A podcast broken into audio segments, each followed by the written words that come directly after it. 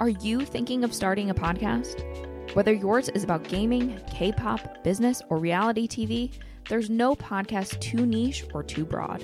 And there are listeners out there who love what you love. So let's hear it. Starting a podcast with ACAST is easy. You can create, grow, and make money from your show across all podcast apps, including Apple Podcasts and Spotify. Head over to acast.com to get started for free.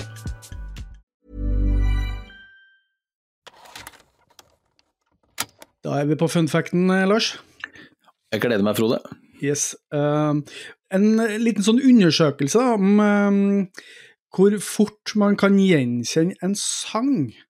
For i 2014 så var det en uh, gruppe med forskere fra det som kalles The Museum of Science and Industry i England, som de la ut en sånn online-test som ble kalt Hooked on Music. Og den hadde sånn type 100 sånne klipp fra forskjellige pop-hits, da. Som går, gikk helt tilbake til 1940-tallet. Og så var det 12 000 personer som var med, som skulle identifisere, identifisere sangene så fort som mulig. Hvilken sang tror du de fant Altså, var den sangen de kjente igjen fortest? Det blir jo veldig vanskelig å plukke av tusen, men hva du tenkte du? Hvilken sang ja, du har kjent igjen dritfort? Det må jo være en som starta i hvert fall med et gjenkjennelig riff eller noe sånt noe. Ja. Kanskje Hard Days Night, sier jeg. Den, den jeg hører jo på første, gjør ikke det? Beatles Hard Days Night, svar avgitt. Ok, det er feil. Pokker! Ah, jeg var, var, jeg nærme? Nei, du var ganske langt unna. Det var det, altså. Nei, altså, det var jo Wannabe med The Spice Girls. Ah, ja, selvfølgelig, for dette var jo kanskje ungdommen, og ikke de eldre unge som hadde, var på forsknings... For Hvordan fungerer det der, da? Altså, det må jo handle om hvem som er med òg. Altså, er det bare folk som var altså, De som var unge, unge på slutten av 90-tallet, eller unge, unge, barn, de husker selvsagt, eller gjenkjenner jo en sang så fort, men gjenkjenner de Hard Days Night? Nei, Uh, jeg, tror, jeg, tror, ikke faren min Han tror jeg ikke hadde gjenkjent Spice Girls om du så hadde limt opp et bilde foran og spilt all musikken. Så hadde han bare sagt 'hva er den driten her, skru da', jeg vil høre på Lodin Auklands lirekasse. Så han er nok uh, han uh, Nei, det, men det var jo det var interessant, da. Men har du oversikten på alle tusen Vent, da. Jeg, skal, jeg er jo på interweben akkurat nå, men jeg skal bare si det at um Eh, de gjenkjente den i snitt 2,3 sekunder inn i låta. Eh, som var langt under eh, altså, gjennomsnittet av alle sangene, som var fem sekunder. Så det, da går det ganske fort. Hvis Beat for beat bare hadde spilt den låta, så hadde det programmet vært over relativt kjapt, med andre ord. Ja, jeg vil tro det. Jeg vil tro det. Ja. Ja. Og så skal vi se. her har vi litt mer, da. Mambo nummer fem kom nummer to. Men han starta ikke den med at han sier Mambo nummer five? er, ikke, er, ikke, er ikke det clues in the title? Mulig. Sier ikke han 'Ladies and gentlemen, this is Mambo number five'? Er ikke, er ikke det starten, da? Det spørs. Det spørs. Uh, det du er passe treg hvis ikke du får med deg det, altså! Uh, og så var det um, Survivor med Eye of the Tiger, Lady Gaga, uh, Just Dance og SOS med ABBA. Det var de, de fem. Jeg, må, jeg, må, bare ta litt sjølkritikk. Jeg hører jo nå at det finnes jo betraktelig mer gjenkjennelig åpningsting enn Hard Days Night, når du nevner det. Men jeg syns Hard Days Night er uh, Jeg tar den veldig fort. Ja, jeg, tror vi, jeg tror vi kjører podkast nå, Lars. ja, vi gjør det.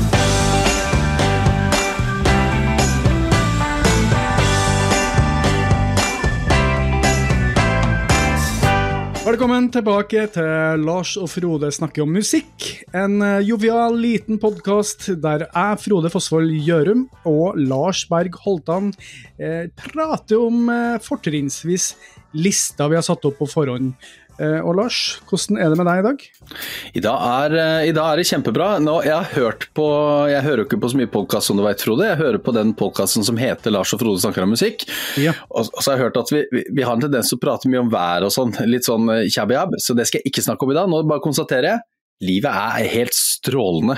Eh, og, og veit du hvorfor det er så strålende? Fordi jeg får lov å sitte og prate om musikk sammen med en som heter Frode.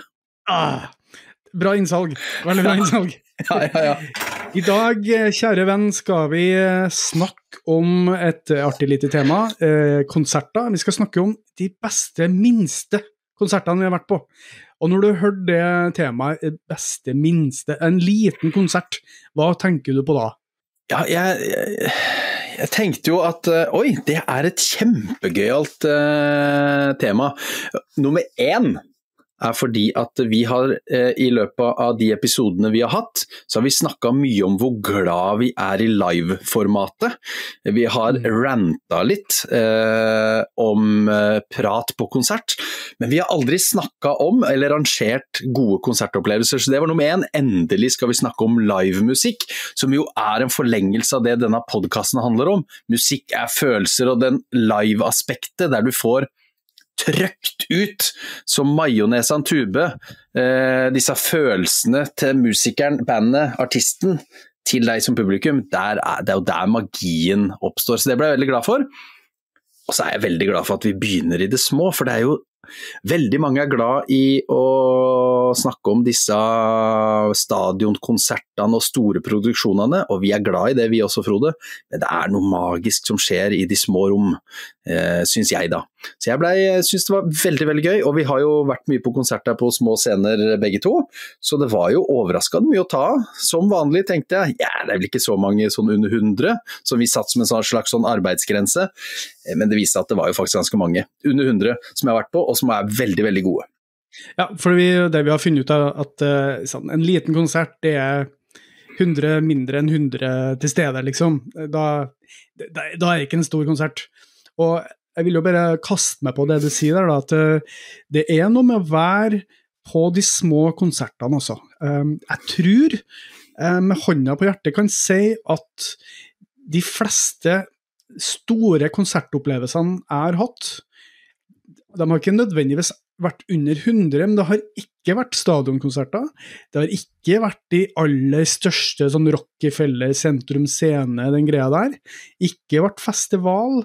Og jo, ok, eh, har vært på en par veldig gode festivalkonserter, men hvis du tar sånn snittet, eh, så vil jeg si at de beste minnene òg jeg har med meg, er ofte fra de der små konsertene med et band du ikke har eh, hørt om før, eller som du ikke har sånn mye kjennskap til, så får du bare en sånn Wow, hva er det her? Og det skal jeg love dere, at i dag, på min liste, så er det sånne type konserter som dukker opp.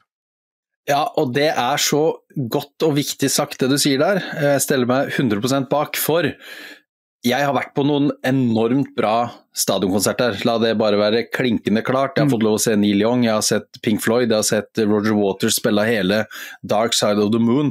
Et konsert der jeg aldri ville vært foruten for hele mitt liv. Fantastiske opplevelser. Men da er det musikere, band, et eller annet som jeg har et så fantastisk stort forhold til at jeg føler på et vis at jeg får den intimiteten sjøl om det er kjempegigaformat. Men i det mellomsjiktet så er jeg helt enig med deg. Det er, det er et eller annet som forsvinner på veien fra de små små klubbscenene eller kafeene eller hva det måtte være, til de litt større formatene.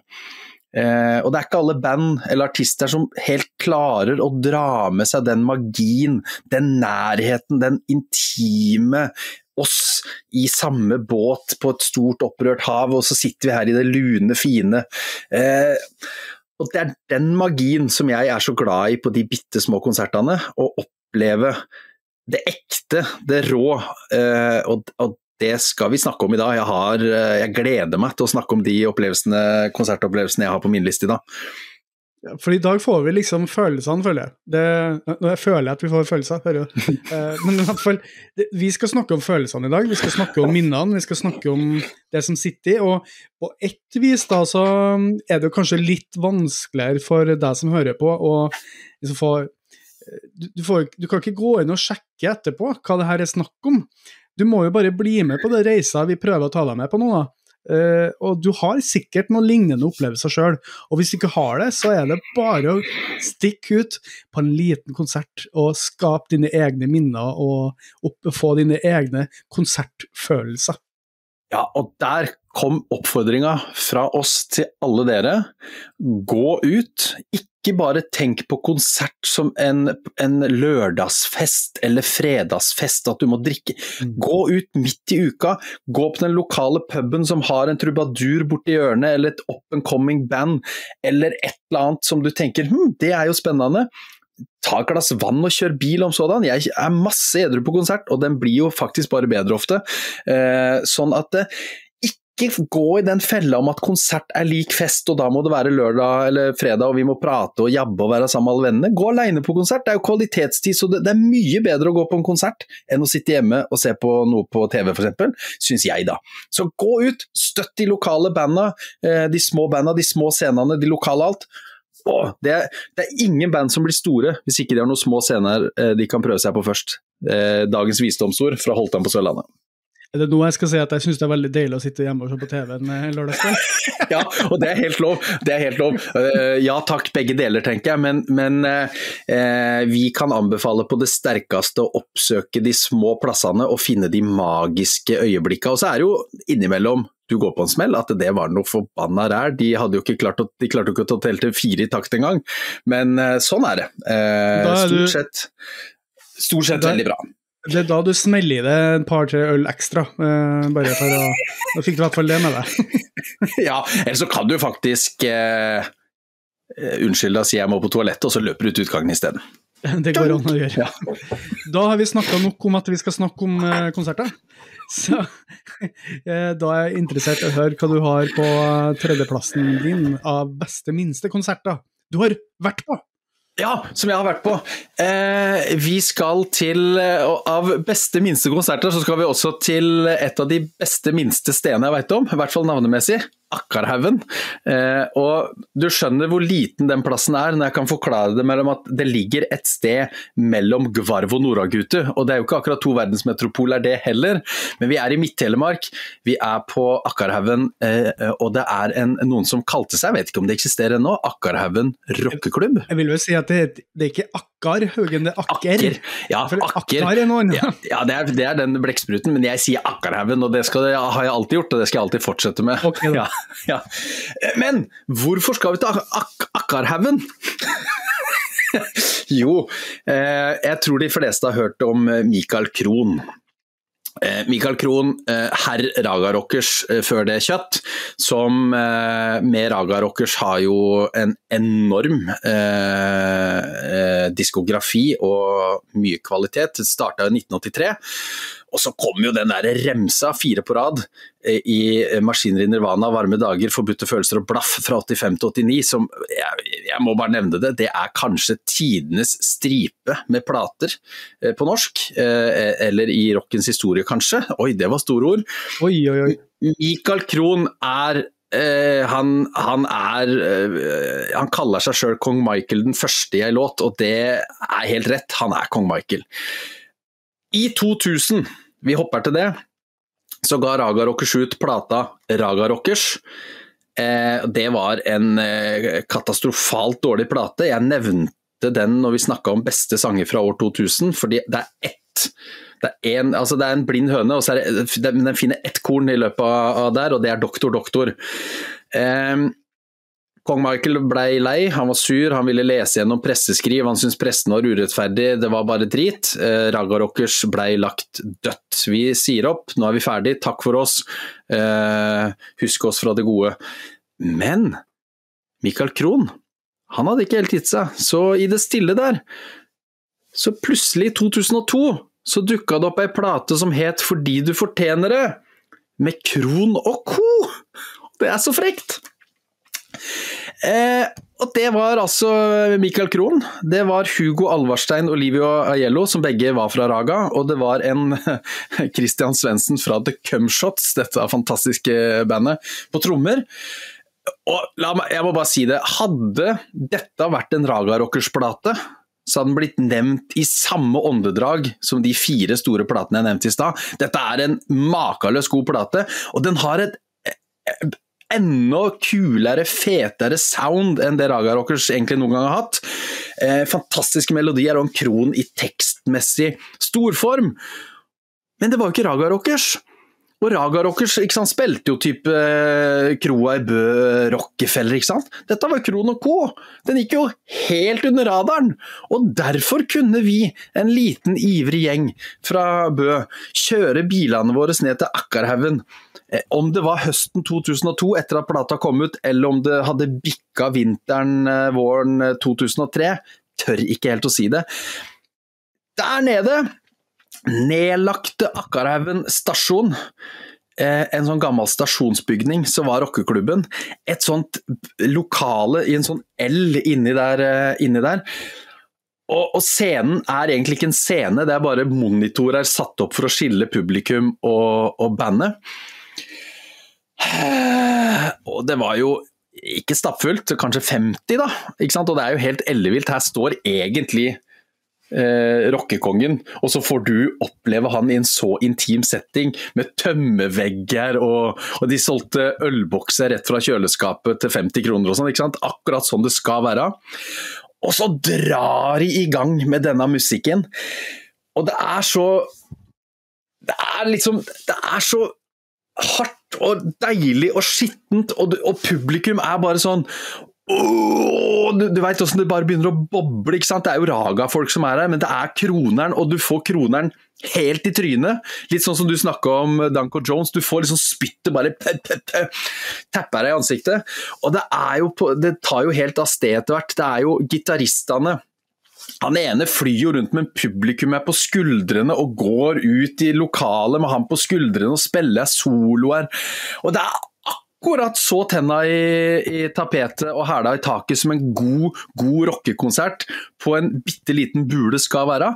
Bare at det er sjølveste Michael Krohn med bandet sitt som står der oppe og spiller. Så du får på en måte den bitte lille intimscenen med en, for meg, da, kjempestor artist og et låtmateriale av en annen verden. Jeg tror vi som var der, jeg tror vi, eh, vi alle vi som var der, tror jeg nevner denne konserten hver anledning vi har, og det er jo ikke alle som har podkast, så nå tar jeg denne for laget, alle vi som var her. Den konserten var helt eventyrlig ellevill. Likevel kommer den bare på tredjeplass hos meg, men jeg har nok slitt litt med rangeringa i dag, så det er litt sånn rista ut i en bøtte. Jeg vil bare få det fram.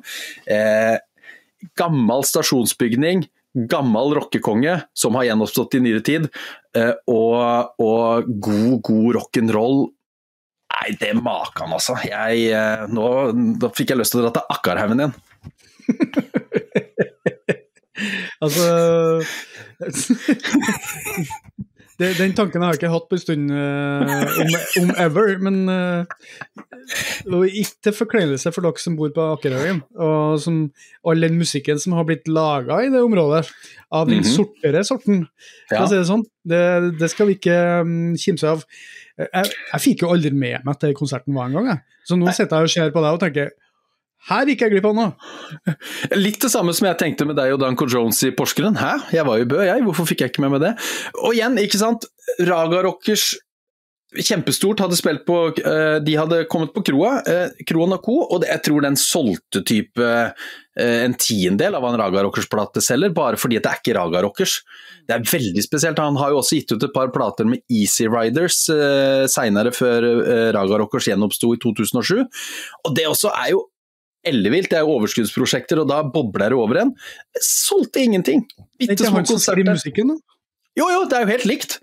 Det er jo helt likt. Det kunne jo, kunne blitt, hadde blitt solgt under Raga Rockers, hadde alle tenkt ja, det er jo Raga i toppform. Eh, men så er det Easy Riders og Kron og Co, og da er det bare sånn what? Og jeg tror vel han sjøl har sagt at eh, eh, jo, han, dette, er, dette, er, godt. Og Egon Holstad, Norges største Raga-fan, eh, mener vel eh, også bastant at eh, det han har gjort med Easy Riders og, og, og Krono Co, er fullt på høyde og kanskje bedre enn det beste på Raga. Nå skal ikke de som elsker Raga uh, komme og si at jeg har sagt at dette er bedre enn maskiner i Nivana, for da vet jeg at dere kommer og kjefter på meg, og det sier jeg heller ikke. Jeg bare sier at det vaker oppi der. Det er helt eventyrlig godt. Og liveformatet kler jo han er jo litt, litt døll uh, på scenen. Han er litt sånn uh, solbriller, rockestjerne sånn, men på den bitte, bitte, bitte lille scenen så blei det så intimt og deilig. Uh, du, ser at, litt, du ser litt mer ny, nyansene i ansiktet hans, kanskje, enn vi gjør ja, Han Nei, så ekstremt fett. Og så hadde han jo med seg da noen litt yngre oppadkommende musikere som ga fletta, og som spilte. Det blei Raga Rockers med ungdommelig eh, glød, mm. eh, kan man jo si da på det liveformatet der. Så Eh, eh, ja, jeg, dere hører at jeg blir opphissa av meg sjøl når jeg prater om uh, god konsert. det er lyst av øynene dine. Ordentlig sånn uh, Og jeg håper, jeg håper det er liv i Akkarhaugen rockeklubb ennå. Aner ikke noe om det, men jeg håper det. For hvis de fortsetter med den tralten der, så er det jo tidenes plass, altså. Deilig, deilig. Det var din nummer tre. Ja jeg, jeg, jeg, klarer ikke å følge opp den historien der i hele tatt. Så det, jeg kan bare gå og legge meg nå. Fordi, eh, men jeg, jeg, er egentlig ganske fort gjort, føler jeg, så det er snart din tur igjen. Fordi jeg har snakka om den konserten her før. Jeg, jeg spurte liksom kan jeg ha med det en gang til, da. Men så kikker jeg på de boblene mine, det har jeg jo konserter jeg snakka om før.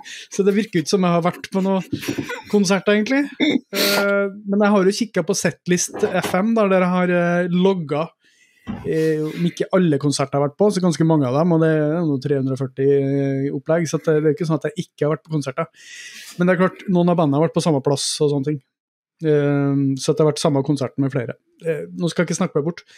Det som, det som de her tre toppene mine har til felles, er at det er jo på samme plassen. Og det er jo mulig å gjette seg til hvor det er, da.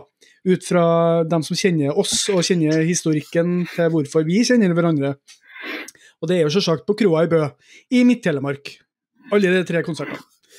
Og så, um, akkurat på nummer tre her, da, så har vi kommet til det som var høsten før du begynte å studere i Bø. Dessverre, ja. Dessverre, ja.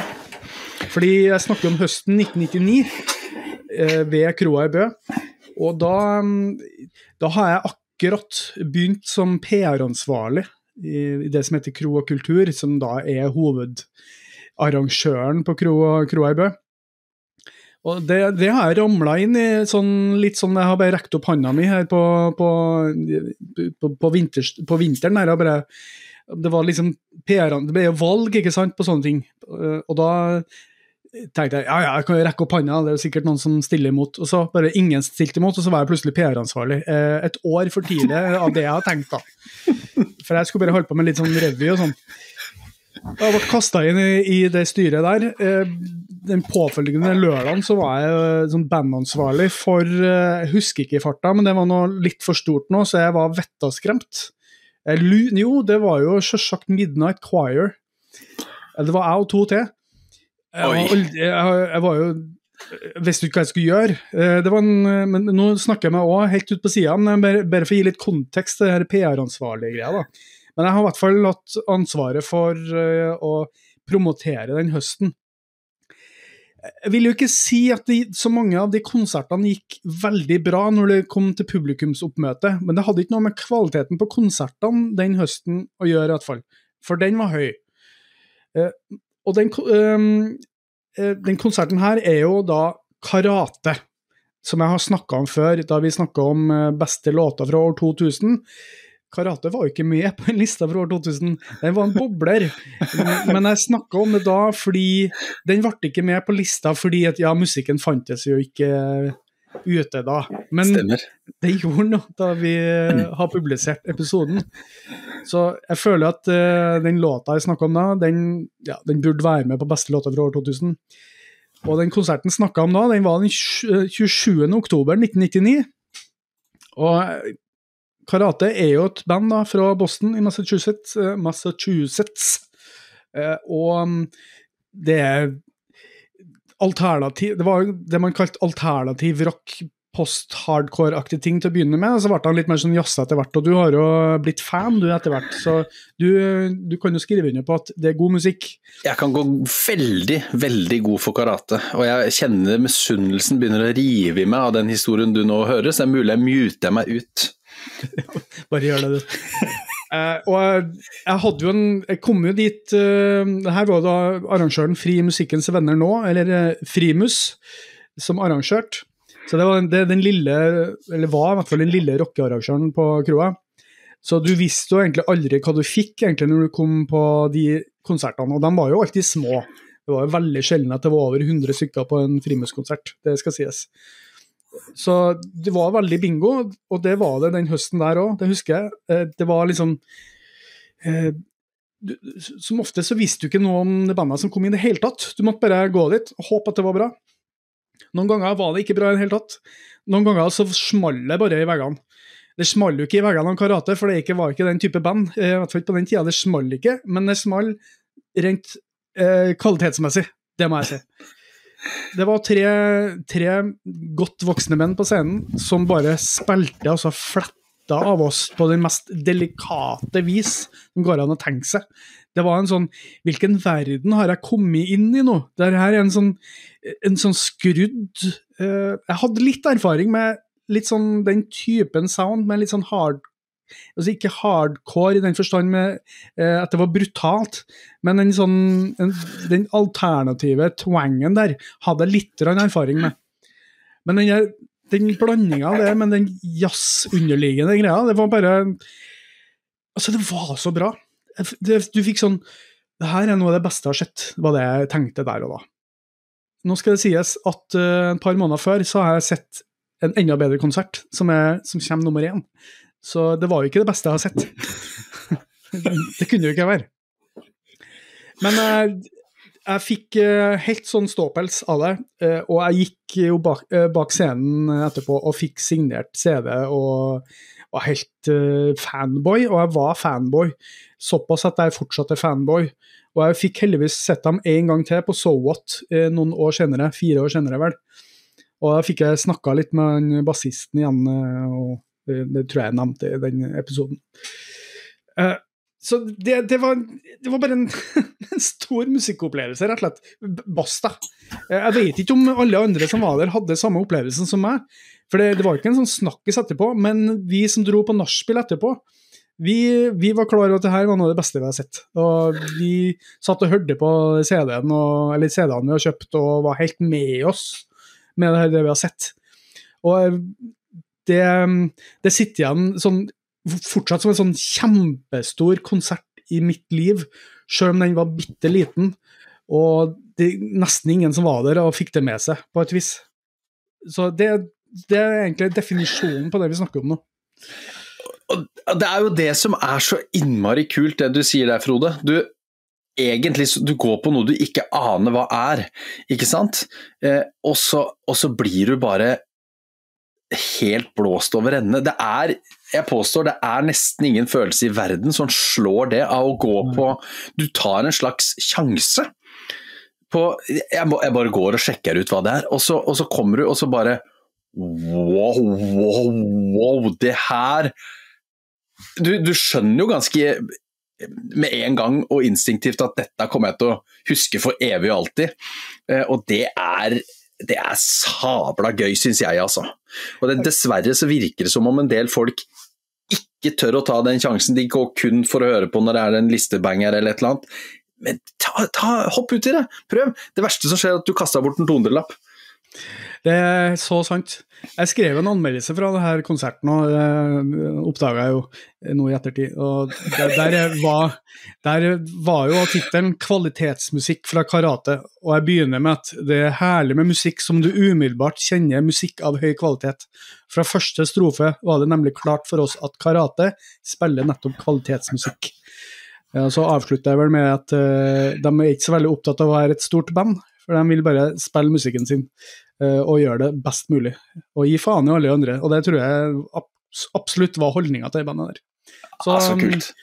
Karate fortsatt en kjempeanbefaling generelt, uh, og jeg syns synd på dere som ikke var der. I pity you! I pity you, you hear!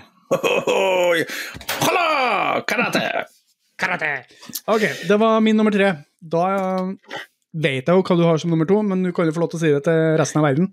Ja, og det er ikke helt ulikt den historien din. Ta en sjanse, gå på en konsert du aldri har vært på før. Og jeg veit om at det er en syk Frode Fossvold Gjørum som ikke var der, som er litt sur på det. Vi skal til kroa i Bø. Vi har bevega oss til 28.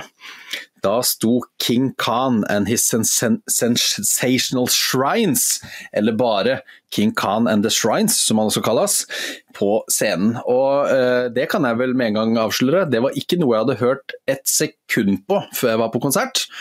Um, King Khan, han er jo, eller Arish Ahmad Khan som han heter, han er jo en kanadisk musiker som nå bor i Berlin. Så en slags sånn uh, Eh, på begge sider av Atlanteren. Da.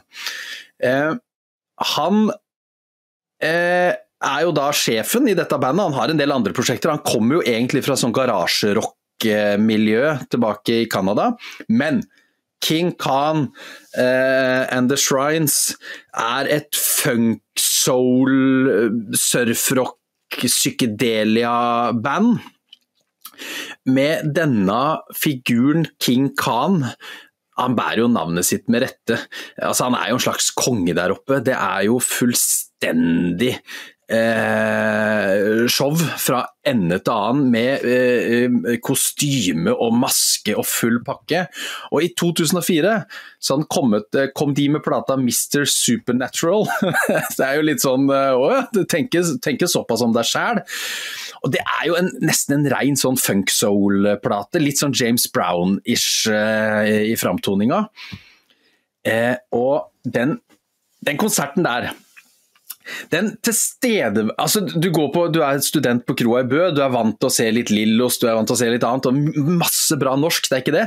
Men så kommer dette, dette orkesteret, dette sirkuset ramlende inn på kroa i Bø. Og det er liksom bare Det er en helt annen dimensjon av av glede, da, hvis du kan, øh, kan, si det det. Den tilstedeværelsen, den auraen den øh, frontfiguren har. Og ikke minst full blåserekke egen duskedame, skråstrek cheerleader, som bare sto der og dansa og full, full pupp. Og det var så tight, og det var så hett, og det var så dansbart. Eh, altså, det, det, det, var jo ikke mulig å stå stille, og så kommer det en så utrolig kul ting. Et lite sidespor. Eh, jeg også var jo engasjert i revyen i Bø i mange år. Jeg var jo ikke så glad i å stå på scenen, eller egentlig var jeg glad i det, men jeg visste ikke at jeg var glad i det, så jeg, jeg var scenearbeider og sånn eh, eh, kulissemaker. Og det var det beste når vi kan lokke deg ut på scenen, det var jo det beste. ja, ja, og jeg lot meg lokke, lett. Men i 2003 etter revyen så hadde vi lagd en sånn trapp. For vi, vi hadde en sånn sceneutforming der vi syntes det var kult at karakterene kom ned som et slags sånn TV-show. Ned en trapp på scenen igjen med sånn rysj! Sånn der eh, paljettaktig sak. Den trappa var jo lagd uh, brei i bånn og litt smalna opp. Og så viste det seg etter at vi hadde bygd den, at den passa jo perfekt eh, fra scenegulvet på Kroa Bø og opp på scenen. Og til denne konserten så var den brukt, da. Eh, sikkert fordi de har gått litt opp og ned og rigga og sånn. Ehm, og vi var jo ikke mer enn kanskje eh, ja, 50-60-70, kanskje vi var 100 i salen, jeg husker ikke. Men poenget var jo i hvert fall det at eh, jeg var jo også litt scenevakt, og jeg hadde hatt litt opplæring av scenevaktene, for jeg var liksom en sånn, litt sånn gammel eh, rev i scenevaktgamet på den konserten det var så få folk at det var bare nye scenevakter. Det var én ting vi hadde fokusert litt på, folk skal jo ikke opp på scenen på konsert. Det er liksom en av de få tinga vi skal klare, ikke folk på scenen. Når da King Khan bruker trappa jeg har, har lagd til å gå ned i salen, og så sier han nå må alle i publikum opp på scenen og rocke med bandet! Og så ser du de der de ferske scenevaktene bare off, off, off, Og folk renner jo opp den trappa. Så til slutt så står jo hele publikum på eh, scenen med bandet, mens King Khan står aleine nede i salen og synger og josser! Altså, det er jo det er, Sånt skjer jo bare live, sånn får du ikke på plate. Og, og, sånn Gikk du ikke på den konserten, så gikk du glipp av det! Og det var altså en så ellevilt kul opplevelse. Hele denne Han var jo en slags sånn der heksedoktor der han sto, og, og det var jo den derre elleville energien og tilstedeværelsen den glemmer jeg aldri, altså. Eh, og dette er nok en, litt av den type konsert som eh, etter hvert eh, Det var kanskje 60 der, men vi, alle som påstår at de var her, så er vi sikkert oppe i 1000 nå, ville jeg tenkt. da. Eh, og det var utrolig kult. Og jeg tror de, de, vi kjenner fra kroa som var på den, kan underskrive på at det var en fet opplevelse å oppleve eh, denne fyren. Jeg har ikke hørt eh, noe fra han eller på han siden, skal jeg være helt ærlig. Eller jeg satt og hørte på det nå, da, og det er jo funky eh, som pokker, så en burde høre mer på det. Og kom, dukker han opp i Norge igjen, da skal jeg gå på konsert igjen. Det skal jeg, jeg love. Jeg ser at de er aktive. Spilte konserter i 2020, så ja. overalt. Så, Dukker King Khan opp eh, et eller annet sted nær deg, gå og se. Gå og se, gå og se. Klar anbefaling.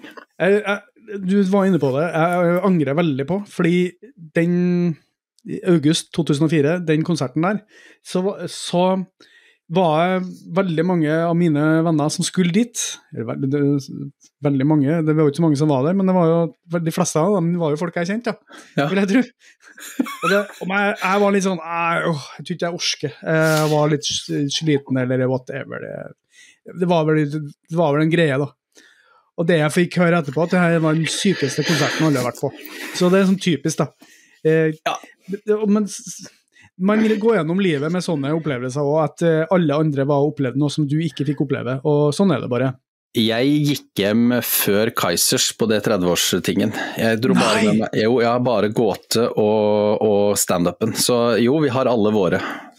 Ja, For dere som ikke kjenner den historien, altså hadde Kroarbø 30-årsjubileum i 2001. Og da mm, var det en kveld der eh, Gåte bl.a. spilte, før de var noe kjent.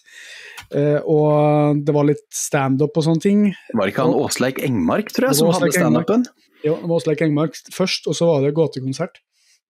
Og så var det jo et band som har lura seg til uh, til å komme og liksom bare spille på slutten, uten at de var annonsert. De bare, jeg tror de bare har spurt kan vi komme og spille. De ville ha litt sånn erfaring, og så var det noen kontakter på kroa der som sa ja ja, så kan rigge dere opp, opp etterpå. Men jeg skal fortelle deg en ting, jeg så heller ikke den konserten live. Eh, men jeg må jo si at det var Kaizers Orkestra. Ja. Eh, et par-tre måneder før de slo gjennom og ble Norges største band. Ja. Sånn var den saken. Men jeg fikk ikke med meg sånn Jeg så dem ikke, jeg bare hørte dem fordi at jeg sto og flørta med en dame da det skjedde. Så jeg fikk aldri med meg at, at det var noe som het for Kaizers Orkestra. Det fikk jeg høre etterpå. Vi så. valgte å gå hjem eh, på et såkalt nachspiel, som blei som vanlig. Du drikker en halv øl, øh, blir trøtt og går og legger deg. Jeg skal til ditt forsvar da, Frode. Nå er jeg inne på Kroa Bø sine nettsider, der programmet Historikken ligger. Eh, høsten 2000, nei, 2004 åpna jeg jo knallhardt. Det er jo Span med et band som het Powerage som support, jeg vet ikke om de er kjent. Men så hadde jo Gatas Parlament Carpe Diem, eh, som vi har snakka om før. Vi hadde jo King Khan, og så uka etterpå kom National Bank. Ja. Og så var det ikke så lenge etterpå så kom Phoenix, Sidebrok, Ralph Myers osv. Så, videre. så eh, den, den, høsten hadde man nok å ta, eh, sjøl om jeg vil nok vil påstå at King Khan var, eh, selvfølgelig siden du ikke var her, var den aller beste. ja, det var vel det, da. Sikkert. Jeg husker jo den Powerage-konserten som veldig bra. Det var en av de bedre den var faktisk kanskje aller best. Ja, den var internt. Den var veldig internt. Uh, det, det, var en veldig, veldig bra band.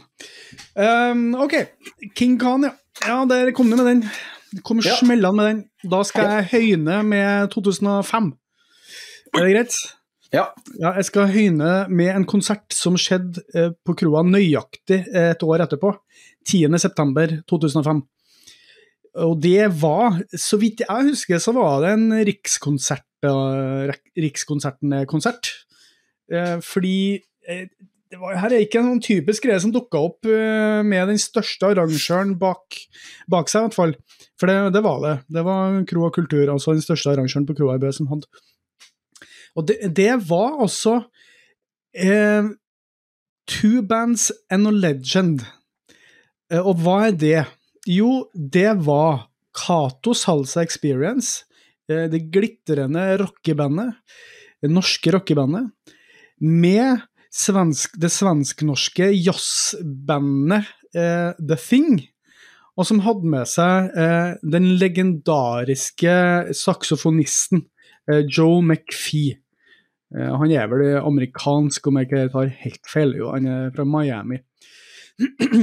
Og det, det hørtes ikke på papiret sånn, kanskje sånn kjempespennende ut, hvis du ikke var særs interessert i et av de bandene. Men jeg tenkte at det her må jeg jo sjekke ut, for jeg, hadde tror ikke jeg har sett Cato Salsa ennå. Jeg har, jeg gått glipp av Cato Salsa noen ganger allerede på kroa. Jeg husker at de var en slags husband den første høsten jeg kom, eh, kom til Bø i 1998. Så drev de og bare spilte fast den første, fast, første uka der. Det fikk jeg aldri med meg. Eh, Men jeg tenkte nå må jeg få med meg dem. Og det som møter meg, da, er jo en musikalsk vegg som jeg verken før eller siden har opplevd maken til. Fordi hva skal man si om det her eh, beskrivelser av det, det musikken her, da. The Thing er jo mer sånn frijazzaktig. Det er jo sånn gærne folk. Eh, du har jo Mats Gustafsson, som er en sånn absolutt gæren tenorsaksofonist og baritonsaksofonist fra Sverige, som eh, Det er sånn apropos spytte, det er sånn, du kjenner spyttet fra saksofonen. Liksom alt, all energi går inn i det instrumentet der. Og du har jo en såpass stor norsk trommelegende som Pål Nilsen Love, eller Love som jeg liker å kalle han. Eh, eh, og Ingebrigt Håker Flaten på bass. Og Cato Salsa er jo jeg man kan ikke gå gjennom alle navnene, det blir for dumt. Men jeg prøver bare å komme, prøver bare å snakke meg fram til opplevelsen, for det, det er så vanskelig å dykke ned og beskrive. Jeg snakka om at det var en vegg, men hvis du tenker deg Nå har jeg snakka om karate som en sånn blanding av jazz og rock, men det er på en helt, helt annen måte. The Thing møter eh, Salsa med en legendarisk saksofonist oppi det hele, som bare leker seg med lyd og musikk en, eh, og bare kaster seg inn i det med sånn Hvordan kan jeg komme skeivest mulig inn i den låta her? Ikke sant? Hvordan kan jeg lage mest mulig støy ut av det her? Og det er den, det den derre um, Altså, det her er ikke delikat. Det er akkurat det motsatte. Akkurat det motsatte av jazzrock eh, som karate drev, drev på meg. Det her er råest mulig jazz, råest mulig rock, eh, som bare sauses sammen til en sånn Men det, jeg skal fram til, var at jeg sto der sammen med, med 30-40 stykker, eh, med en øl i hånda, og hadde gåsehud i eh, 40% av konserten.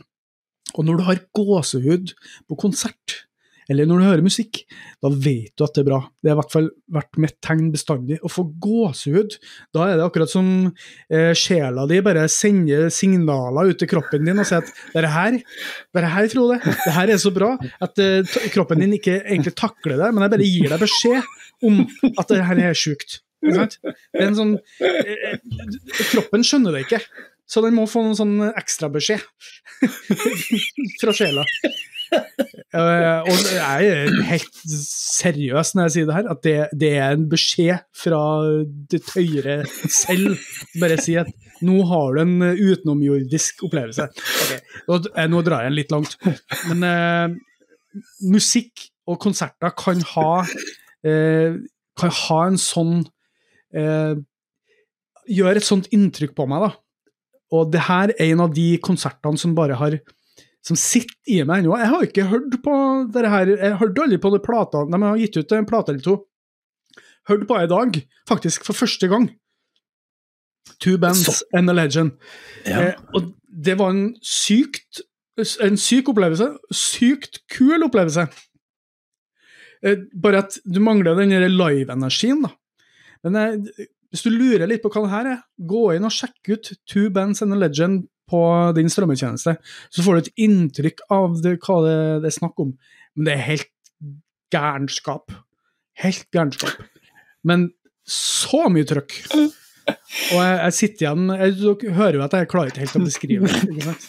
Du blir, du blir blir tom sånn, for sånn, ord. ra- blir sånn rallende trønder som sitter der Det høyre selv Jeg, har, jeg prøvde å sette, prøvd å sette og tenke gjennom og reflektere over det her på forhånd, men jeg klarer det ikke. Så det er en sånn sjelsettende konsert. På en annen vis enn de andre konsertene jeg snakker om her nå. Den- Den går på en, en sånn liksom, dypere nivå, går nivå, an man si det? Ja, ja, ja, så Men- deilig! Men, men uten at det ble sånn 'Å, det her er favorittbandet mitt'. Det var bare en sånn sykt fet opplevelse. Og så bare gikk jeg videre. Men den, satt, den sitter igjen i kroppen. Ja, ja, ja, den bare treffer så innmari. Ja. Nå, nå, kan jeg angre på at jeg ikke var der, altså, for det var jo sånn uh, Jeg kan ikke huske hvorfor jeg ikke var der, men det var sikkert sånn nei, noe jazz, noe Rikskonsertene, ja, du, det var jo, du, det var jo, det var jo, um, det var jo jazzklubben i Bø, samarbeid med kroa i Bø, og så var det sikkert en onsdag eller en, tors, eller en torsdagskveld, og da dro ikke du ut. Nei, hadde annet å gjøre, si. Nei, det vet jeg ikke, men, men, men, nå kan jeg jo angre på det. Eh, jeg var nok litt smalere i, i utforskertrangen den gangen, sjøl om åra i Bø lærte meg til. Eh, det var fordi vi hadde selvfølgelig gratisbilletter og alt mulig vi som jobba ja, der. Så, du, så, så, da det har jo veldig, veldig veldig mye å si. Eh, men eh, jeg kan angre nå, for jeg hører på det. At eh, altså, ja, du høres jo litt ut som en sånn rallende trønder som ikke får ut noe ord etter en DD-konsert. Men ja, men altså, altså han raller fordi han er dritings og ikke får ut orda, mens du, du klarer ikke helt å Men du, den, det er jo god nok eh, forklaring til at jeg skjønner hvor bra dette har vært, ikke sant? Når musikkanmelderen ikke klarer å helt sette ord på det han har opplevd, da tenker jeg da er vi på, da er det next level shit, altså. Ja, for at jeg klarer ikke å skrive en anmeldelse. Jeg, prøv, jeg måtte sjekke skrevet anmeldelse, nei. Da er jeg fortsatt litt sånn skuffa over meg sjøl at jeg ikke klarte å, å, beskrive det på noen bedre måte enn at jeg måtte ut i universet og søke etter noe høyere mening bak det. Men det, det er som sagt, det er litt det som sitter igjen, da. Den derre skjellsettende opplevelsen. Jeg skal ikke mene så mye om saksofonisten og The Thing, men jeg kan jo si at Cato Salsa jo, ja. står jo høyt på rockehimmelen for meg, altså, så jeg kan jo angre. Hadde jeg visst at han gjemte seg bak der, så kan det godt hende jeg hadde gått. De kom tilbake en måneds tid senere tror jeg, og spilte som Cato Salsa Experience bare. Ja. Og det var jo en dritfett konsert. Det var fett. Den, der var jeg, skjønner du. Ja, der ja. var vi begge. Jepp, det, det, var min uh, nummer to. Uh, jeg er litt sånn, nå er jeg litt svett, faktisk. Jeg, må, jeg blir sånn jeg var ikke helt sikker på hvilken inngang jeg skulle ha til, til, hvordan jeg skulle snakke om det, nemlig. Og... Men veit du forresten, Frode, hva du skal gjøre hvis du får gåsehud på tissen? Nei. Da skal du ta tissen ut av gåsa. Jeg beklager, jeg beklager, jeg beklager. Der skal vi gå videre, da, si. Da lurer jeg på om den skal med, men vi får se. Og det rimer.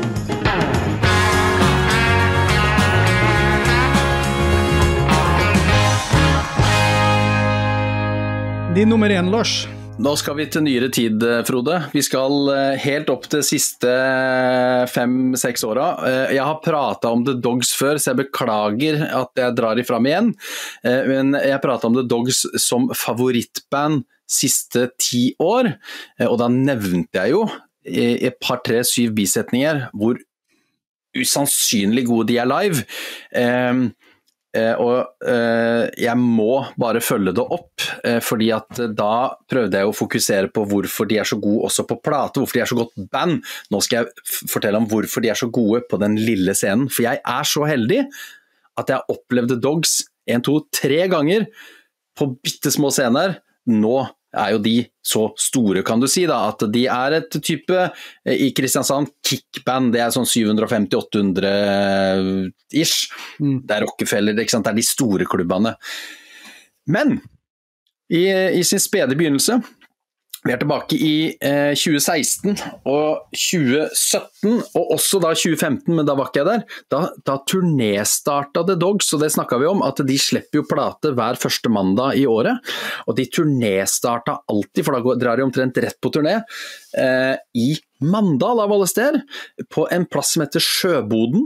Og det er, som navnet tilsier, en gammel sjøbod eh, i to etasjer. Første etasje er pub. Det er et relativt smalt hus. Du kan, eh, Står du par-tre mann og holder i hendene, så har du bredden på det. Og så går du opp en bitte liten, eller en, en, en, smal, bratt trapp, og så kommer du opp i annen etasje, og der er det skråtak. Eh, og det er makskapasitet på 80, tror jeg. Mm. Eh, og scenen er en forhøyning på 10 cm kanskje. Eh, og så går det da, pga. denne skråtaktingen, så går det noen takbjelker på tvers. Og Kristoffer Schou er jo en relativt høy mann, så der må han bøye seg litt på vei opp på scenen. For ja, de må gå gjennom publikum for å komme opp på scenen. For det er ikke noe sånn backstage, for der er det bare en vegg ut til utsida. Det er et fantastisk kult lokale. Eh, dette lille, intime lokalet. Og det å trøkke The Dogs da med seks eh, voksne karer og, og, alle instrumentene oppå der, er jo, er jo eh, artig i seg sjøl. Men der var jeg altså på konsert i 2016, da de slapp Swamp Gospel Promises, og 2017, da de slapp Death by Drowning. Og i 2016 var jeg også et par uker etterpå, da de spilte i um, foajeen på Aladdin scene. Eh, under en sånn konsertserie som het Trash Pop. Det var en forferdelig bra konsert fordi det var The Dogs. Forferdelig lyd, du veit. Betongvegg og, og, og, sånne flislagt gulv som det er i foajé. Det rimer ikke alltid med rockemusikk. Uansett! Um, det er jo egentlig da tre konserter. Jeg kan ta de to på Sjøboden, da, for det er de aller kuleste. For der er det så kul lyd til å være så lite. Det blir så den enorme eksplosive framtoninga til Kristoffer Schou og hele bandet, eh, som utstråler fra første sekund utstråler det dette har vi så lyst til å gjøre. Vi har så lyst til å spille denne musikken for dere. Vi skal opp her, og så skal vi gi alt vi har, og litt til. Og vi skal gi dere den beste kvelden dere har hatt i hele deres liv. Sånn står du og tenker i publikum, uansett om du har hørt bandet før, eller du elsker det, eh, eller du ikke har hørt det før. Så tenker du wow, wow, gutta mener det, gutta mener det. Og det, det er jo det er regel nummer én, altså. Spiller du musikk, spill som du mener det. Og hvis du ikke mener det, fake it. Men du blir avslørt, for her er det Her er det altså Det er, det er så det er så enormt hjerte på utsida av skjorta, og bokstavelig talt skjorte. De har jo sånne svarte skjorter og sånn der hvit sånn der eh, oppi sløyfeaktig sak, så det er en uniformert band. Eh, og, og, det er så rått, og det er så bra live. Og på den tida, de har fortsatt litt med det, men på den tida, da var det jo på en måte litt mer ukjente, så avslutta de hver sang med at de i bandet i det, i det siste strofa så var det bandet som bare Yay! Og opp med hendene og gikk og ga hverandre high fives og klemte hverandre på scenen. Og hvis det er noe som smitter i et sånt lite lokale der folk kanskje ikke har hørt det før, og sånn, så er det jo en sånn oppførsel fra bandet som leder an i jubel på sin egen musikk. Det er jo helt fantastisk. Kristoffer Schou hang i de takbjelkene. Og i 2017 jeg hadde jo kjøpt uh, merch selvfølgelig i 2016. I 2017 gikk jeg på den konserten igjen. Uh, hadde jo hørt meg opp litt på plata. Uh, de dro i gang en låt, og jeg sto der og sang litt med. Kunne jo ikke teksten helt, da, men jeg lata som jeg kunne teksten. Så, bare, så ser jeg Kristoffer Schou stå på scenen, så ser han på meg. Og så ser jeg på han og bare ikke sant? Jazza med. Og så kommer han gående ned mot meg. Ned. Steller seg foran meg, og så slipper han eh, mikrofon ned eh, i halsen på T-skjorta mi, så den kommer ut eh, i bånn av T-skjorta. da, Så setter han seg på kne foran meg og synger, skråstrek ser ut som han gjør, eh, seksuelle ting med meg. Ikke sant? Fantastisk. Og jeg bare Dritkult. Og så kommer det til den delen av sangen der er det lite sånn gitarsolo. Så da, da holder jeg eh, underdelen av T-skjorta opp som et sånt Nå kan vi dra den Eh, nå kan vi dra mikrofonen opp igjen den veien den kom fra. Kristoffer mm. Schou tar det som en invitasjon til at jeg skal krype opp i den T-skjorta til den, eh, den, voksne mannen på 100 kg. så Kristoffer Schou, og dette har vi på, på, film, så dette kan vi kanskje få lagt ut på Facebook-sida vår. Ja, ja, ja. Kristoffer Schou kryper altså opp i min The Dogs-T-skjorte, og, og, huet hans popper ut av halsen som en sånn fødsel. Og, og vi står to mann inni den T-skjorta, og jeg blir jo stå, stående da og holde rundt den, mens han står og synger bak ryggen min. Og der står vi to svette mannfolk i en The Dogs-T-skjorte og har eh, ja, så Vi har jo ikke snakka sammen etterpå, men jeg er sikker på at han eh, husker dette like godt som meg, for det tror jeg ikke Jeg tror ikke han har gjort det veldig ofte. Eh, og det var altså så fantastisk kult! Og folk står rundt og bare Hva er det som skjer? Dette er jo, det er jo helt episk. Og det villeste er jo, for jeg får en ny T-skjorte etterpå, for han går rett opp på scenen etterpå og sier at jeg tror den T-skjorta ikke søker inn en ny en etterpå. Eh, så det fikk jeg jo, tusen takk til The Dogs for det. Men T-skjorta overlevde, og den har jeg nå. Du har to? Ja, så nå har jeg to. Og så kommer det en sånn bitte bitte liten uh, Denne blir lang historie, men så kommer det som bitte liten. To år etterpå så er jeg på Good the Bad and the Sugly i Kristiansand. Og så skal jeg gå og kjøpe merch der òg, for jeg liker å kjøpe merch. Jeg liker å støtte banda som, som jeg liker. Og så nevner jeg bare at uh, jeg har en sånn The Dogs-T-skjorte som har helt kongekvalitet. Uh, så har du noe i den uh, ja, mener du Nei, jeg hadde Kristoffer Schou og, og, og sto, var inn i T-skjorta sammen med. Er det deg?! Og så hadde jo han merchmannen til Good Band og Sugly. Ja, den historien den har vi hørt i Oslo, ja! Fy søren, så kult! Den legenden en legende, Ja, altså, det har jo blitt nei, utrolig kult. Og igjen, sånne ting opplever man jo ikke på stadionkonsertene! Sånne ting opplever man på Ja! Sånne ting opplever man på Sjøboden en torsdag i februar i 2017, da de, da de turnéåpner på en bitte liten scene og gir eh, folk en unik opplevelse for livet. Eh, og The Dogs, altså. Eh, nå har de blitt veldig store. De, de har klart å opprettholde den energien opp til eh, Jeg har sett det også på utescenefestival, da detter det kanskje litt, men de har klart det på, på større scener. Jeg har sett de oppe i 1000 innendørs. De klarer det fortsatt, men den derre unike, intime, ekstremt fete opplevelsen av å kunne være av de som kan si de så jeg. Ikke bare én, men flere ganger når de var bitte små og spilte på en plass med 80 stykker, og jeg har hatt Kristoffer Schou i T-skjorta mi. Oi, oi, oi, det er sånn jeg skal fortelle barnebarna. Det er sånt jeg skal fortelle. Det skal, det skal stå i biografien min. Ja. Nei, det, nå hører du, nå, nå, nå tømte jeg rognposen helt her. Nå, nå, er jeg, nå er jeg tom. Takk for meg. Nei, nå er det helt klart for meg at nå må jeg fortsette The Dogs. Nå har jeg hørt om det der, Du snakka jo om at han kom inn i, kom inn i T-skjorta di før òg, men nå fikk jeg hele historien, og det var deilig. Og det er jeg 100 enig med deg i forhold til at enn å ha et sånt band på scenen som er så glad for å være der, og som viser det med full pupp og hele kroppen. Oi, oi, oi. Jeg blir glad av å høre om det.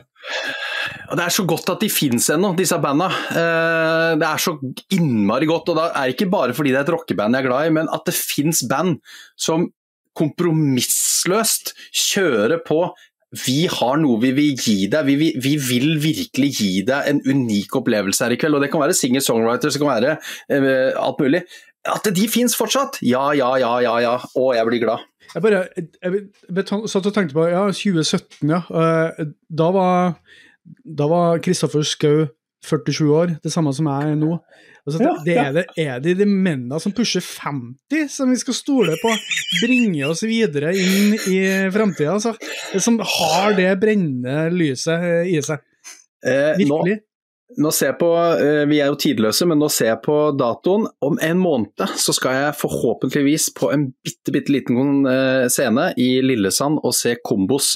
Da skal jeg komme med en statusrapport. Det kan jo hende at vi finner det nye gullet. Eh, de er, hvis de er like gode, eller halvparten så gode live som de er på plate, så tror jeg nok at vi skal plusse de på at vi har noen unge Dels unge, for de var vel dels litt gamle rutinerte og dels unge, men der mm. har vi, jeg har trua på det.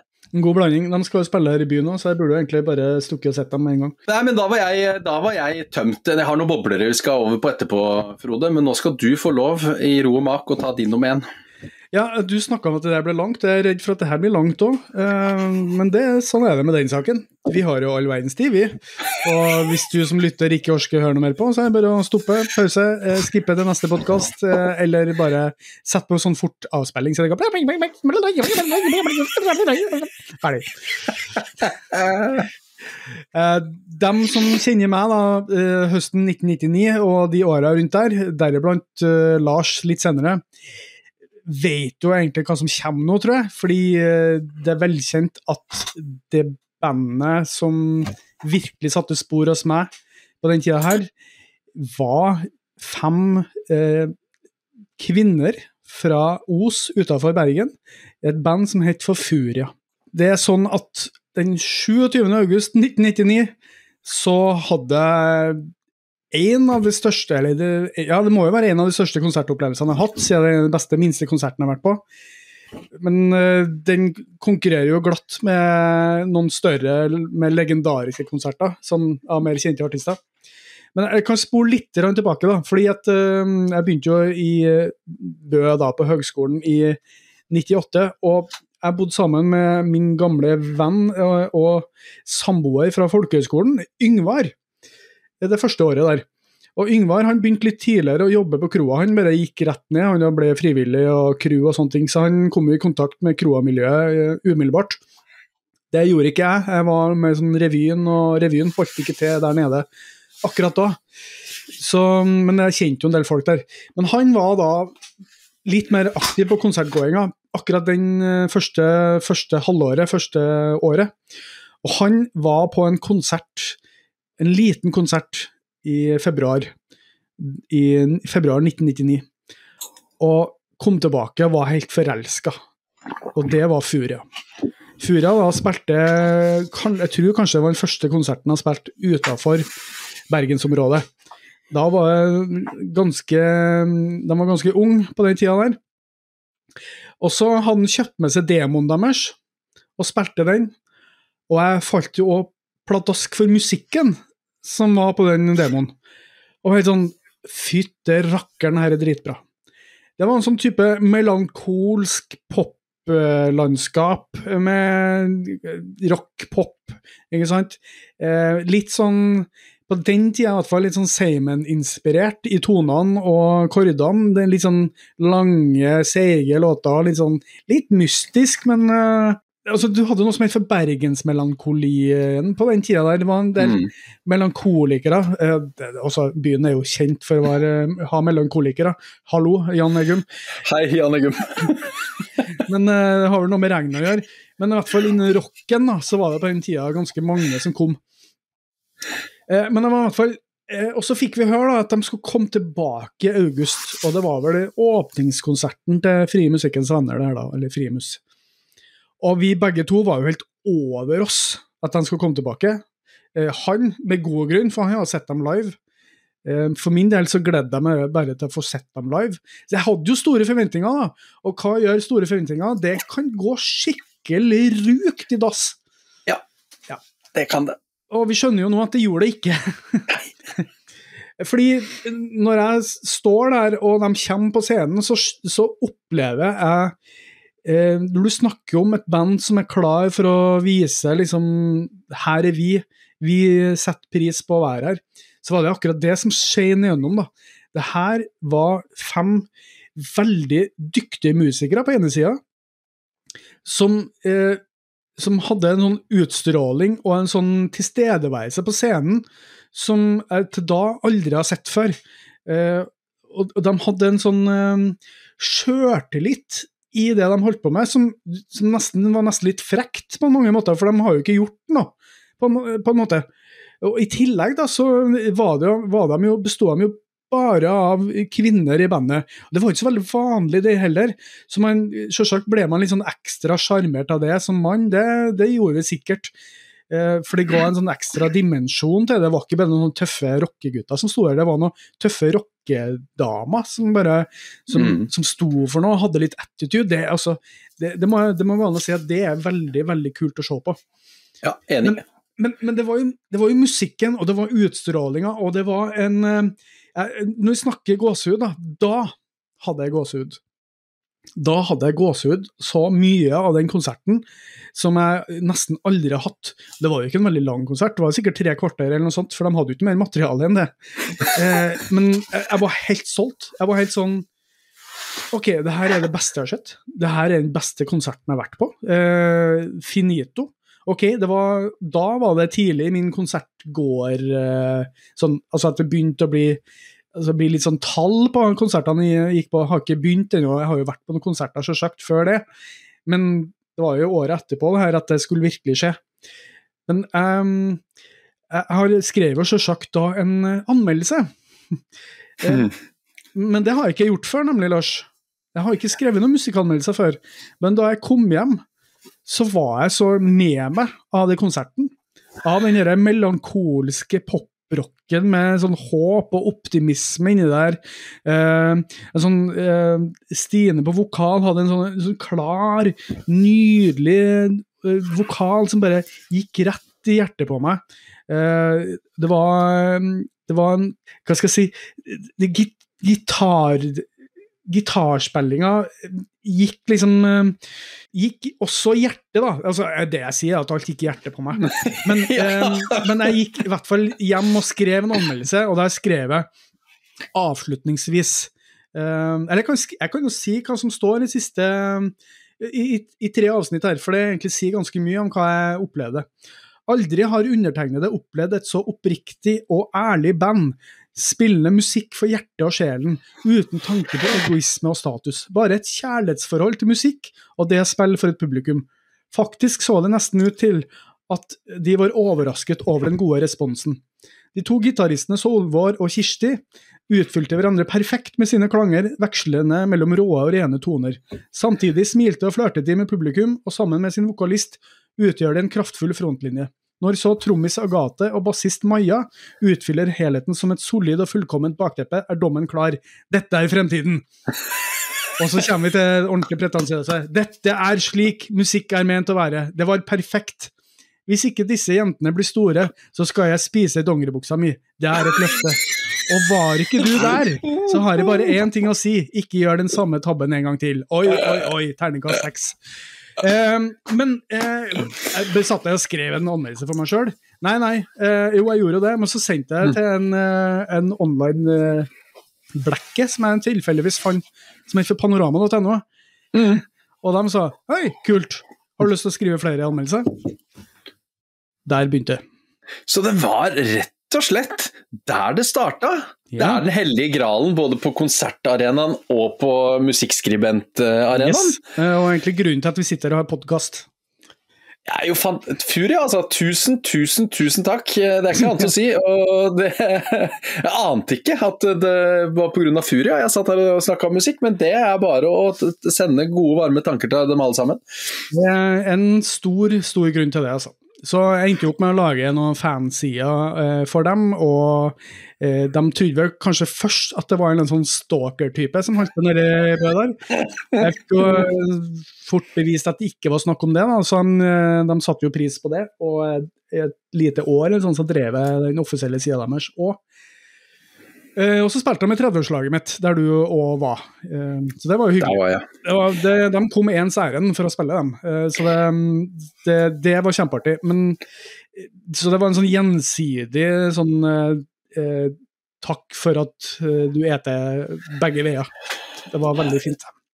Ja, det, jeg eh, så det jo på 30-årslaget ditt, men de var jo også på kroa en del andre ganger. Så jeg har sett de flere ganger, og jeg er jo hjertens enig med deg at dette er eh, strålende musikk. Og de var veldig, veldig gode live. Mm, Det er jo ikke alltid eh, god musikk eh, blir godt live. Det er ikke det. Er ikke, det er ikke det, men jeg er helt enig med deg, det er jo fantastisk godt. Og når du nevnte dette i stad, så kom jeg jo rett på den der mest kjente låta, 'Right On Time', som er en perle, eh, og som jeg hadde lenge på noen sånne spillelister som jeg er borte for lengst. Mm. Men eh, den, nå skal jeg grave meg ned i furia igjen, altså, for det er et flott landskap å, å gå småpludre i. Det er veldig fint nå på høsten, føler jeg. Det er god høstmusikk. Eh, Ikke for dystert, men nok til at du liksom kjenner litt sånn melankolien sige innover deg. Og på, på den tida der, det var vel de, og så var det de der litt mer sånne viserock-pop Efemera, var det det de het? Var ikke de også fra Bergen? Eh, Som, det var liksom to sånne kvinneband som, som, som kom opp og løfta litt der. Ephemera kom litt etter hvert der, ja. Uh, Ja. Og de var jo litt mer sånn viseaktig, visepopaktig, må jeg gå si. Uh, men Ja. de hadde mye Det var overlappende, vil jeg si. ja. Og så må jeg jo slå fast at uh, ble Furia stor? Ja, stor og stor. De fikk jo platekontrakt. Havna på et ganske stort plate, plateselskap.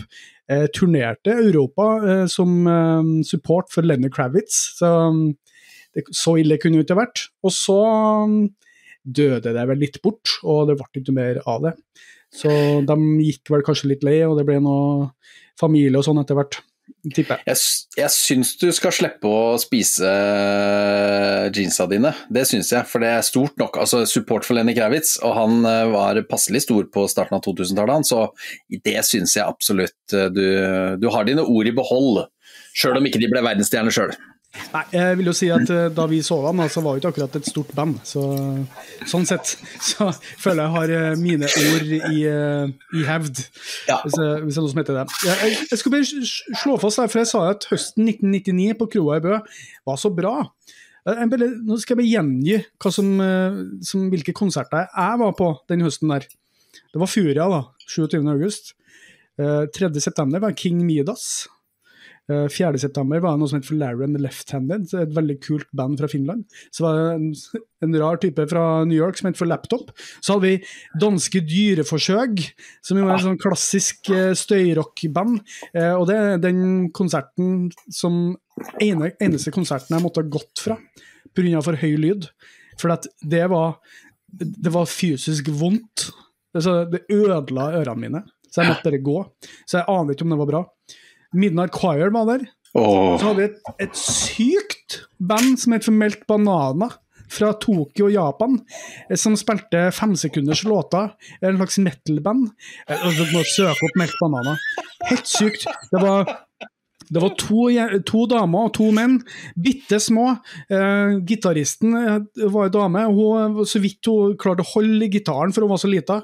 Eh, de brukte munnbind på scenen, eh, sånn som ikke var akkurat sånn som vanlig i, i Norge på den tida der. Litt mer vanlig i dag. Eh, og, og vokalisten bare Og sangene varer fra 3 sekunder til 30 sekunder til kanskje ett minutt på det lengste.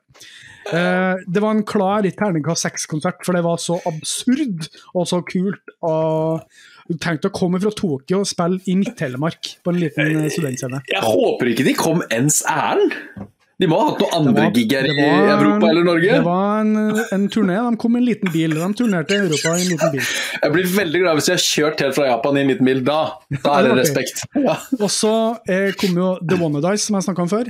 Ja. Karatekonserten var eh, litt etterpå. Så det var den store big band-konserten jeg snakka om. Eh, høstfesten var i oktober her. Og så Ja, det var det. Maddu Gala spilte rett over nyttår der med Kings of Convenience rett etterpå. Det var en del bra ting på den tida, altså. Fytti katta.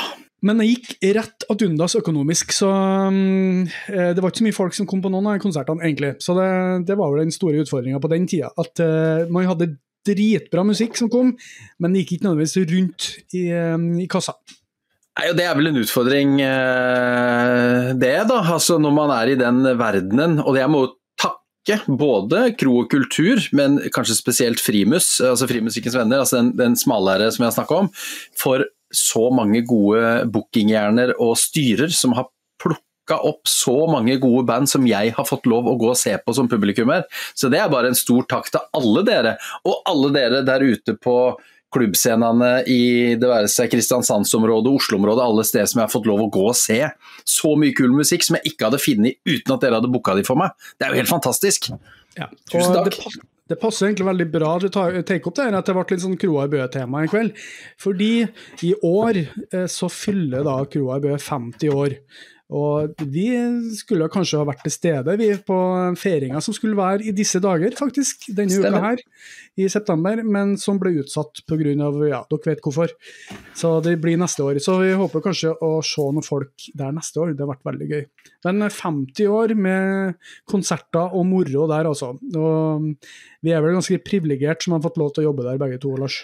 Absolutt, absolutt. Og, og ikke minst veldig privilegerte som eh, i tillegg til å jobbe der, har da fått lov å gå og legge igjen kroner og drikke øl og hørt på masse god musikk. Ja. Nå la vi jo ikke vi igjen mest kroner siden vi hadde gratisbillett her, men eh, Og rabattert øl. Ja, og rabattert øl. Men vi var med på å juble inn alle de banda som ellers ikke hadde så mange eh, publikummere. Du, skal, skal vi ta noen bobler, eller? Du, du, Ja. du, du! Det Ja. var det jeg skulle si. Du, Ja. vi, nå er vi begynner å tenke så likt at vi sier ting samtidig. Gå for boblerne, Lars. Du, jeg skal gå for boblerne, og vi skal ikke, jeg skal ikke prate fryktelig lenge om det. Jeg, skal, eh, jeg har to, fire, seks, syv, eh, og så kunne jeg sikkert nevnt en del flere. Eh, så jeg går veldig kjapt gjennom. Det er et Mandalsband som jeg bare anbefaler alle å sjekke ut, som heter The Violent Years. Eh, de har jeg vært og sett akustisk eh, på Redaktøren her nede i Mandal, som er en sånn uh, liten scene. Jeg har sett dem på julekonsert i Elvesalen, den flotteste salen i Kulturhuset Buen, der det også var sitteplasser, få stykker. Så jeg har vært på Sjøboden og sett dem på mer sånn øs-pøs rockekonsert. Uh, og jeg har også vært på hovedscenen på Buen, eller klubbscenen. Sjekk ut Violent Years, dere. Eh, egentlig litt americana, og så har de dratt inn litt sånn 80-tallsinspirert vibber, Depeche Mode-aktig. Bare sjekk det ut! Eh, og så skal vi eh, en liten stripe i Bø. Don Juan Dracula Mm. Uh, har jeg vært på to ganger. Og intimscenen. Det var ikke så ofte vi tok i bruk intimscenen på den gamle kroa i Bø, men uh, der var det jo to meter under taket og, og veldig intimt. Uh, de var veldig kule. Litt sånn 80-talls elektro-rock-pop-aktig band. for øvrig firmening med med han som var vokalist, da. Så vi kunne vel gifta oss, da, uten at det var noe problem. Så så nært er det ikke. Eh, Ralf Meyers, den 2001-konserten da de spilte på gulvet i storsalen. Jeg, jeg, tror kanskje det var mer enn 100 der, så jeg, jeg var litt usikker. Men de spilte jo nede på Så det var i hvert fall Det var ikke 700 der, for å si det sånn. Det var en liten Ralf Meyers. Det var når Ralf Meyers var i up and cominga. Fantastisk. Og ikke minst var ikke dagen etterpå som uh, crewet kjørte denne rockekonserten. Husker du det, Frode? Jo, jeg husker, husker at det var Kick Out The Jams-konsert yes, yes. på søndagskvelden. Ja. Det, det, var i 2001, det kan godt hende. Um, ja. ja. Og så har vi uh, The Mormones. Garasjerock-punkrockerne. Duoen fra Lillehammer. Et slags sånt White Stripes fra Lillehammer, uh, bare enda røffere. De også spilte i intimscenen, husker jeg, og det tror jeg var 2005. I hvert fall det jeg har notert meg ned, så jeg tror det ikke, jeg veit det, for jeg har vært og sjekka kalenderen. Dritfett! Og så har jeg eh, noen få her nede på Sørlandet. Backstreet Girls på Sjøboden. Bare fordi Backstreet Girls er og blir grand Old Men of Boogie Rock, og det går ikke an å, å mislike Petter Baarli som spretter rundt deg som en Angus Young-aktig figur. Eh, broen som jeg har skrytt opp i skyene før, eh, har jeg sett sammen med 30 andre på teateret i Kristiansand, på en sånn pop-up-scene der. Og et annet band jeg har nevnt, som en boble, faktisk. Nei, som en uh, ukas. Pompoko. Og da er vi inne på det. Gå og sjekk ut det du ikke aner hva er. Sabla bar, en pop-opp-bar som bare sto for et år i Kristiansand. Eh, som er drevet av de som det svart belte bookingsene kaller seg. Eh, Pompoko, aldri hørt om. Tenkte bare ja, shit, det passer perfekt. Jeg tar kveldstoget hjem. Jeg jobba i Kristiansand, eh, tok toget. Tar kveldstoget hjem, sitter hjemme på jobb, går og hører på Pompoko, tar meg en øl. Kjære vene, det er så kult å gå 40 andre et ungt hva er dette for noe, jazzrockeband som bare går på scenen, og du blir bare hadde jo Altså, det er jo bare 150 kroner i billett eller et eller annet. Ikke sant? Det er jo ingenting, og du får en sånn fantastisk opplevelse. Så takk til de små plassene og de som booker disse kule banda, og takk til mine medpublikummere som er med og ser på dette, og som gjør at disse kan ha råd til å booke ett band til av samme kaliber. Det er dritfett. Jeg, jeg, får så lyst til å gå på konsert igjen, og det har ikke jeg hatt på kjempelenge, egentlig. Eh, når pandemi gjør sånne ting, det at du snakker om det, gjør, sånn, gjør det at jeg ja. får lyst.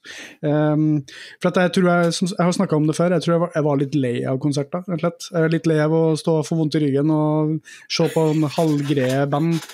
Uh, og ikke få den store opplevelsen. da. Jeg, dra, det, jeg syns det er bedre å dra og bli overraska av noe enn å liksom gå og se noen du kjenner veldig godt, og så Ja, ja, de har spilt den sangen og spilt den sangen. Ja. Jeg skjønner det med The Dogs og hele greia der, men når du ikke har noe sånn Går på en konsert og du vil liksom Wow, det her må jeg se! De er så bra! Det har jeg så lyst til å se! Men så liksom jeg at det blir litt sånn Ja, stikk bort og ser, og sånn Ja, det blir greit, sikkert. Da, da er ikke den store følelsen, så da vil jeg heller bare få en sånn What?! Hva var det her? Ja, ja. Og så er vi jo litt sånn gamle gamliser, vi da. Og så blir vi litt sånn tilbakeskuende. Jeg husker jeg så de på den Kroa-konserten i 09 ja. var mye bedre enn det de er i nå i 20. De har blitt gamle, de folka på scenen der, du. Ja, Madrugada var ikke som de var når vi så de i 99. Eh, det er lett å dette i den gryta òg, da. Oh yes. Uh, ja, Madrugada er faktisk den siste konserten jeg var på. Det var på en sånn sværkonsert her i Trondheim, på ja. Sverres, oppe på Sverresborg her. Det var veldig bra. Veldig bra. Eh, Så Madrugada har, Madrugada har ikke tapt seg, selv om de spiller på en stor scene. De har jo kommet akkurat med en ny uh, låt, Ja. og kommer vel med en ny plate. Og vi har ikke snakka om Madrugada ennå. Det tror jeg vi, vi, må, vi må tilpasse en kategori så vi kan få dratt Madrugada opp av hatten snart. For det, det er jo synd og skam at vi ikke har prata noe om det, men nå gjør vi det. Madrugada, hei til dere. Hei til dere. Um, ja, mine boblere, da. Jeg, jeg har jo, som jeg nevnte, noen av boblerne har jeg snakka om før. Jeg snakka om Danko Jones, Sort og blå scene, 2002. Check. Karpe, eh, 2004, på, i, i 20, 20. 20. august 2004. Og så må jeg nevne en del Hoppalong Knut-konserter. Som Ja. har vært i både her og der. Eh, Det fantastiske trønderske ska- ska-bandet. som med gode humoristiske tekster. Eh, fantastisk liveband. Eh, hvis, du, hvis de noensinne finner på at de skal ut og spille konserter igjen, alle 14, eller hvor mange de er, gå og sjekk Hoppalong Knut. Eh, begge, begge vi har hatt noen fantastiske opplevelser der. Jeg da tenker kanskje først og fremst her da, på konserten i 2005, som var veldig, veldig bra. Var det Også, den vi filma Vi filma? Det var en vi hadde et oppdrag å filme for Hoppaland Knut ville spille inn musikkvideo med livefilming. Husker du det? Jeg tror, jeg tror ikke det var 2005. Mm, Beklager eh, inputen der, men eh, jeg bare, det kom en refleksjon. Ja, jeg hørte det. Eh, og den, det kan jeg ikke huske, faktisk. Det kan Jeg ikke huske. Jeg har vært så heldig at jeg jobba med, med Kristin eh, Jensen eh, senere, eh, i dagjobben min. Det var veldig hyggelig. Hun er en maken til kul frontfigur, altså. En av de bedre, faktisk. Og så var det en annen ting jeg tenkte på nå, eh, og det var um, at jeg må nevne et av mine uh, favoritt... Apropos uh, gåsehud på konsert. Et av mine favoritt uh, indie-pop-band ever, uansett uh, land og når. Popface fra Stavanger.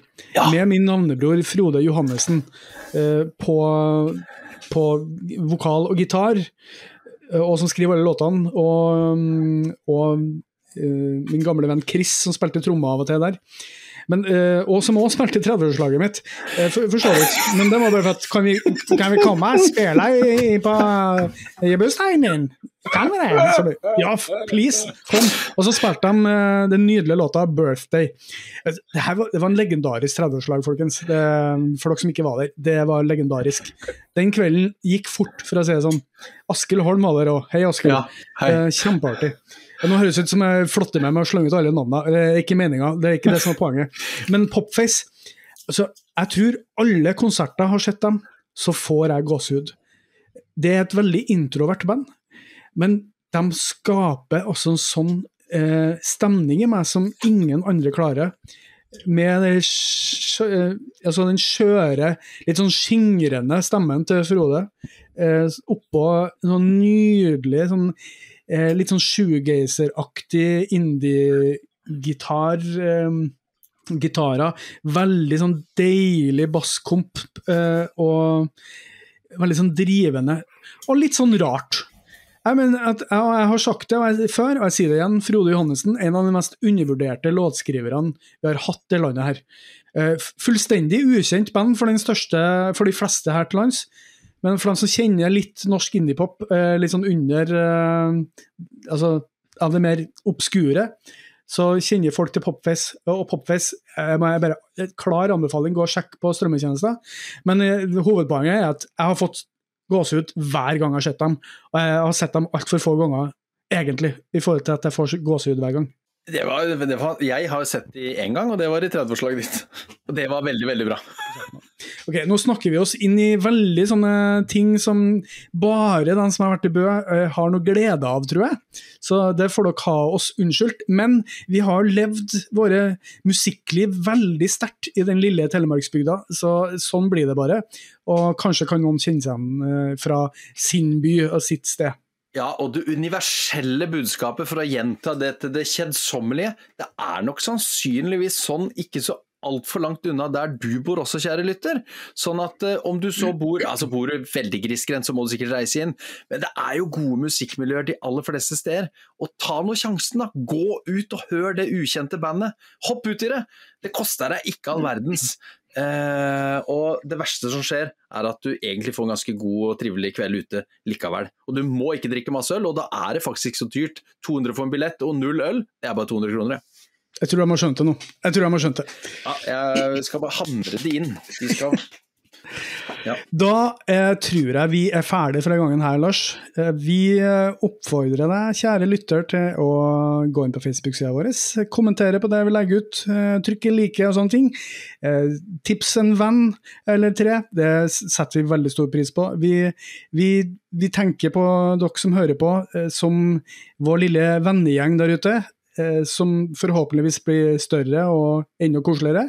Men eh, vi syns det er så gøy at folk sitter eh, og hører på det tullsnakket vårt der vi snakker om musikk. Eh, og vi elsker jo det vi holder på med, så, og det håper vi eh, dere syns og Altså at dere hører at vi, vi gjør det. Ja. Og vi elsker at dere skriver kommentarer og engasjerer dere. Det er, helt, det er så strålende. Og vi får tips om temaer og alt. Bare fortsett. Keep it coming, som jeg pleier å si. Yes. Fantastisk. Og, kanskje skal vi etter hvert utvikle konseptet så at vi får inn en gjest eller to òg, bare for å break it up. Vi får se hva vi gjør.